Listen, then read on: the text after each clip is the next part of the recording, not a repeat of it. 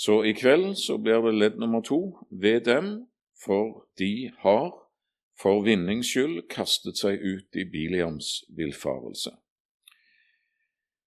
Ja, vi ber i sammen fremdeles. Herre, vi takker deg at vi får være samla om deg og om ditt ord. Takk at vi får, uh, vi får samles på denne måten og får vite at du sjøl er iblant oss.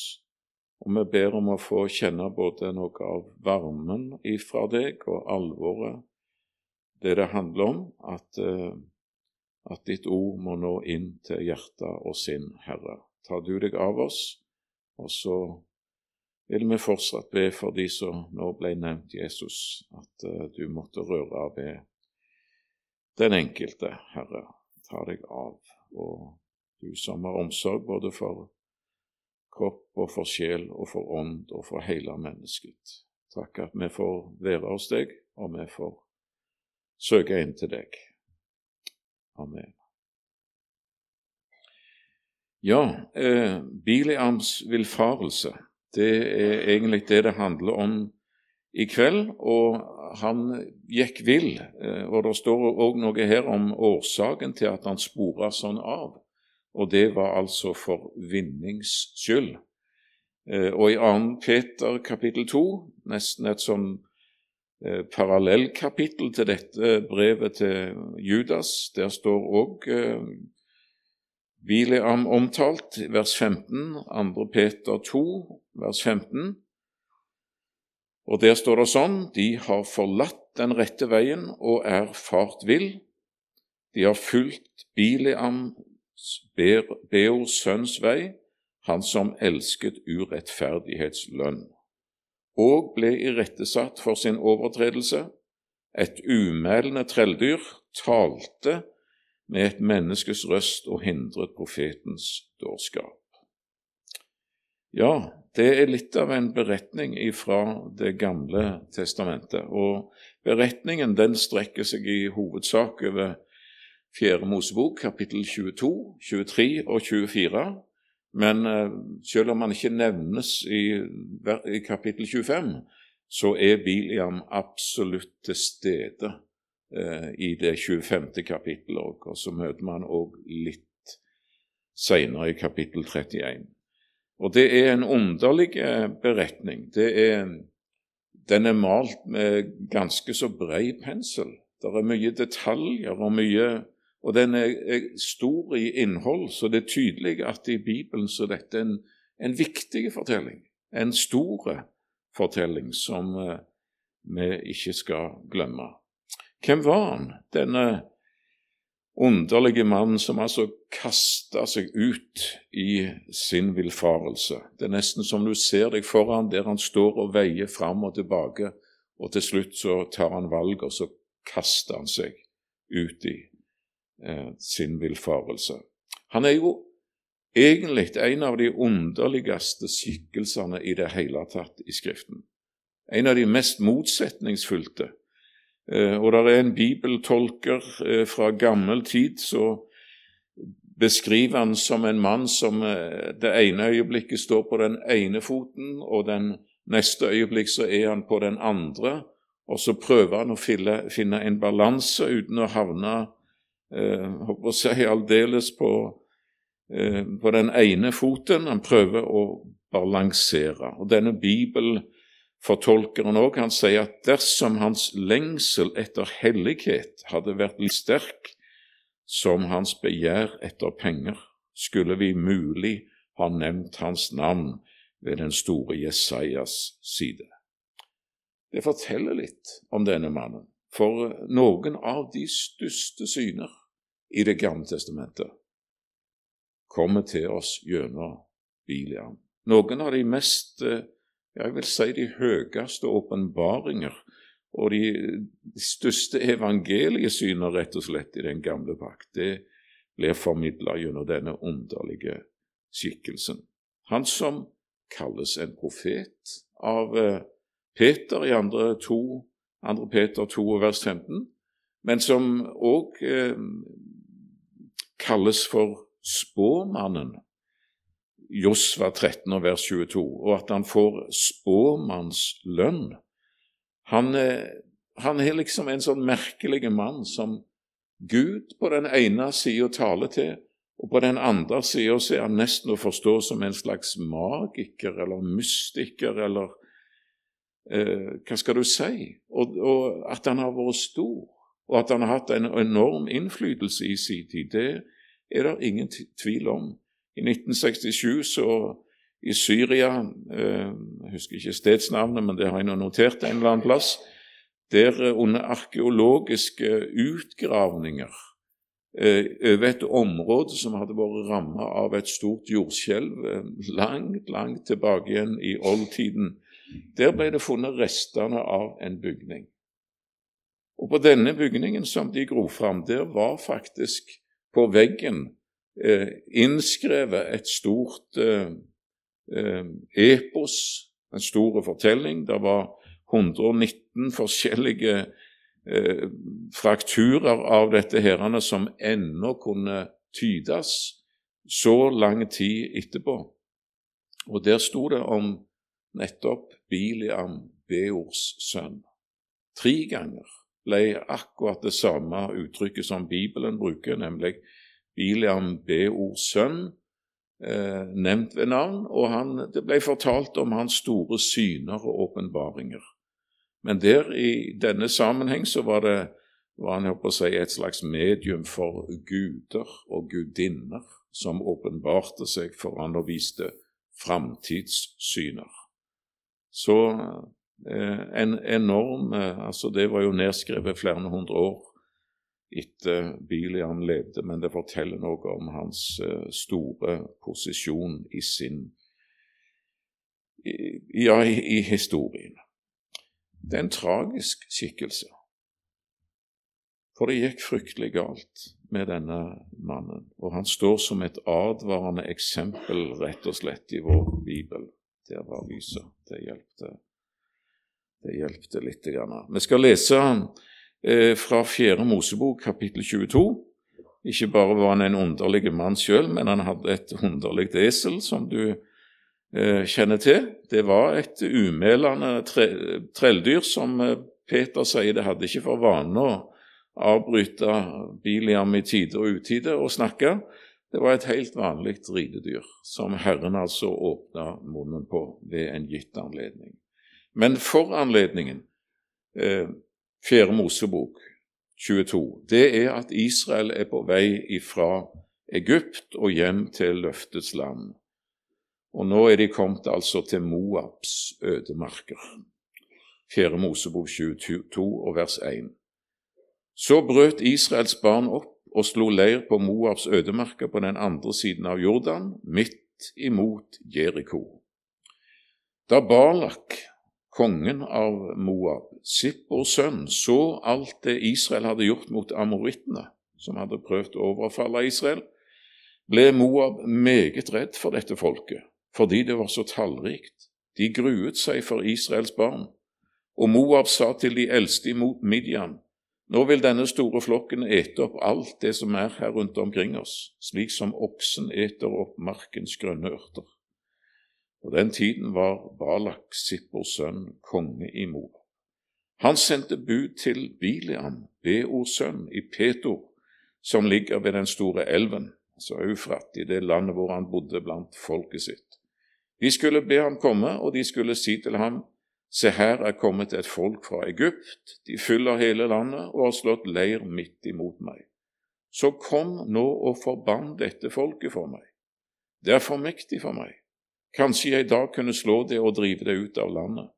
For jeg vet at den du velsigner, er velsignet, og den du forbanner, er forbannet. Og Moabs eldste dro av sted sammen med Midians eldste, og hadde spåmannslønn med seg. Da de kom til Biliam, la de fram Barlaks ord til ham.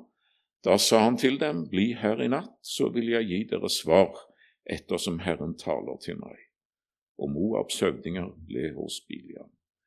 Og Den natta kom Gud altså til Biliam og, og, sa, og advarte han at du skal ikke, i vers 12, gå med dem, du skal ikke forbanne folket, altså Israel, for det er velsignet. Og det gir eh, Biliam beskjed om, men eh, Balak han gir ikke opp på første forsøk, så han sender en ny delegasjon med flottere, høyere embetsmenn enn de, den første delegasjonen, og han sier at du skal vise deg stor ære, og alt du sier til meg, vil jeg gjøre. Kom og forbann dette folket for meg. Jeg skal gjøre deg rik, jeg skal Og så videre og så videre. Da svarte William, vers 18, og sa til Balaks tjenere, om Balak ga meg hele sitt hus fullt av sølv og gull, kunne jeg ikke gjøre noe mot Herrens min Guds ord, verken i smått eller stort. Men bli her i natt, så skal jeg søke Herren og få og høre med ham. Han har jo fått forbud allerede, men eh, det er noe som lokker og drar og frister på denne mannen. Og Samtidig så må en si at eh, det er jo beundringsverdig. Han gjør det helt klinkende klart ifra første øyeblikk jeg har ingen mulighet til å sette meg ut over Guds ord. Og det Gud taler, det er jeg forplikta til å si, så har ikke noen forventninger om Gud tillater. Ja, så tillater Gud, vers 20, eh, at du kan dra, men gjør ikke annet enn det jeg sier til deg. Pass deg sjøl, Biliam, du er svak, og du er i fare, så pass eh, deg at du ikke går imot meg. Så er det denne, eh, den, dette merkelige eselet, da, som kommer inn på arenaen, dette ridedyret. Når om morgenen sto Biliam opp og salte sin eselhopp og dro med Moabs høvdinger. Men vers 21, altså, samme kapittel, 4 Mosebok 22, nå vers 22, men Guds vrede ble opptent fordi han reiste. Tydeligvis ikke fordi at eh, han gjorde det, men fordi Herren ser til hans hjerte og ser at Biliam han, han er ikke med meg i sitt hjerte. Han har et ønske om å kunne bli rik og få dette som han har lovt. Så Guds vrede er er opptent imot Biliam. Og Herrens engel stilte seg på veien for å stå ham imot da han kom ridende på eselet sitt og hadde sine to tjenere med seg. Eselet så Herrens engel, som sto på veien med et løftet sverd i sin hånd. Da tok det av veien og ut på marken, men Biliam slo eselet for å få det inn på veien igjen. Siden stilte Herrens engel seg på en smal vei mellom vingårdene hvor det var steingjerder, på begge sider, du ser det. Da eselet så Herrens engel, trykte det seg inn til muren og klemte Biliams fot mot muren. Da slo han det igjen. Så gikk Herrens engel lenger fram og stilte seg på et trangt sted, hvor det ikke var mulig å bøye av verken til høyre eller til venstre. Da eselet så Herrens engel, la det seg ned under Biliam. Da ble Biliam rasende. Han dengte løs på eselet med kjeppen sin, står der, og det er da Herren åpner munnen på eselet, og eselet vender seg imot Biliam og spør, Hva har jeg gjort deg, siden du har slått meg tre ganger? Og Biliam er, er vant med mange underlige ting, her. Kanskje han ikke blir så veldig forskrekka om han ikke har opplevd akkurat dette før. Han, han blir, Du har holdt meg for narr. Hadde jeg hatt et sverd nå i hånda, så skulle jeg ha slått deg i hjel. Og så sier dette eselet til Bilam, er ikke jeg ditt esel, som du har ridd på all din tid like til denne dag? Har jeg hatt for vane å gjøre sånn som dette noen gang? Nei, svarer Biliam. Da åpnet Herren Biliams øyne, så han kunne se Herrens engel, som sto på veien med et løftet sverd i sin hånd og Biliam faller på sitt ansikt. Og Herrens engel, vers 32, han sier, Hvorfor har du nå tre ganger slått eselet ditt? Jeg har gått ut for å stå deg imot, for jeg ser at veien du går, fører deg til undergang. Ditt hjerte, Biliam, hvor er det? Hvor er det? Det fører til undergang. Har jeg ikke talt til deg Har jeg ikke advart deg? Og likevel. Ja, hadde du ikke hørt på eselet, vers 35, så hadde jeg nå slått deg i hjel, men latt eselet leve. Og Det er underlig, men eh, for en eh, liten emissær så er det en veldig befriende beretning òg. For det er Guds ord som er autoriteten. Det er ikke hvem som taler det. Det har ikke mer autoritet om det er en biskop eller en pave eller hvem det måtte være. Eh, det er ordet som er autoriteten. Og til og med i en eselmunn så har Guds ord Guds autoritet. Fordi det er ordet som Så en, en pave eller en biskop eller hva de måtte være, de har ingen autoritet. Ikke i Guds rike. Det er det eh, og Jesu lillebror advarer oss imot, eller minner oss om at eh, denne tro den er en gang for alle overgitt til de hellige. Så skal hver enkelt av Guds barn granske ordet og lære eh, ordet og, og håper å si, eh, i, de, i, de, store linjer, men hovedsaken, det skal være hovedsak. Det som handler om Jesus og hans frelse, der er, han er veien, sannheten og livet. Men det, vi skal, den enkelte av oss, eh, bedømme åndsåpenbaringer og lære og alt i sammen. Så det er noe å lære av dette Biliams esel. Det som ikke bare gikk på når du ser at der har Herren stengt veien. Nei, når, når, det, når det, er sånn at det Da legger eselet seg rett ned. Nekter å rikke seg en eneste millimeter. Og så får Biliam slå så mye han bare vil. Men uh, sånn er det. Guds ord har Guds egen autoritet. Det er nemlig ordet som er autoriteten. Og det minner denne merkelige eselfortellingen oss om.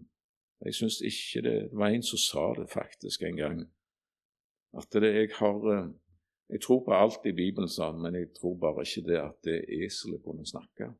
Så han hadde talt en gang. Jeg syns ikke det er bitten vanskelig å tro. Jeg har til og med i min barndom eh, på ferie truffet på ei kråke som var i stand til å snakke noen få ord. Det nekta å uttale seg når familien Birkedal var på besøk, men, eh, men det kunne de gjøre ellers. Og hvorfor skulle ikke Herren kunne åpne munnen på et esel? Selvsagt kan han det. Da er det ting som er mye større og underligere enn det. Men de kommer fram, for uh, han får lov til å fortsette. Men han får ennå en advarsel. Følg med mennene, men tal ikke annet enn det jeg sier til deg. Og pass på ditt hjerte, det ligger jo unna hele veien. Så kong Balak han blir letta og glad, og da Balak hørte at Biliam kom, står det i vers 36, dro han ham i møte til den byen i Moab som ligger på grensen ved Arnon, ved den ytterste grensen. Og Balak sa til Biliam, sendte jeg ikke bud til deg og ba deg komme hit, hvorfor kom du ikke til meg? Mener du at jeg ikke skulle vise deg ære nok? Hvorfor avviste du første invitasjon? Og Så svarer Biliam, rett fram, nå ser du jeg er kommet til deg. Men står det vel i min makt å tale noe? Det ordet Gud legger i min munn, det må jeg tale. Så ha ikke store forventninger, Balak, for jeg må tale ordet. Så dro Bileam med Balak, og de kom til Kiryat Husod, og Balak ofret storfe og småfe. Ja. Eh, vi skal opp på tre fjelltopper, eh, og det er mulig vi rekker ikke mer enn den første. Vi får se i første time. Eh, første fjelltopp den står det om i, kapittel, i det samme kapittel, 4. Mosebok 22, og fra vers 41. Og vi leser et stykke ut i neste kapittel. Morgenen etter tok Balak med seg Biliam og førte ham opp på Bamot Bal. Eh, Barmot høyde, Bal er jo en fellesnavn for mange forskjellige guddommer. Eh, så dette er et, eh, både et, et enkeltnavn, og samtidig så taler Bibelen om baler. Det var mange utgaver av disse forskjellige avgudene. Men dette er et offersted, det er et kultsted som er via Moabs guder. Og her er det at eh, Balak fører Biliam opp. Da sa Biliam til Balak, bygg sju altere for meg her, og la meg få hit sju okser og sju værer. Balak gjorde som Biliam sa, og Balak og Biliam ofret en okse og en vær på hvert alter. Så sa Biliam til Balak, bli stående her ved ditt brennoffer, så vil jeg gå bort en stund, kanskje Herren kommer meg i møte. Det som han lar meg skue, det skal jeg la deg få vite.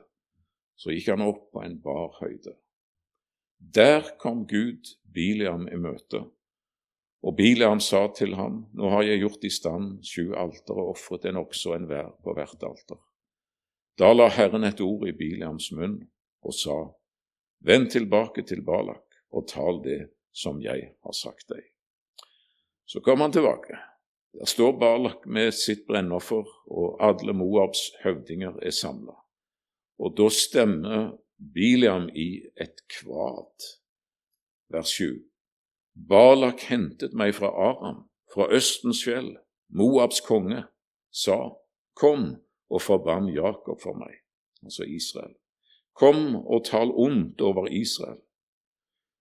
Hvordan kan jeg forbanne den Gud ikke forbanner?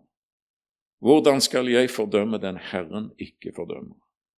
Fra fjellets tinde ser jeg ham, Jakob, Israel.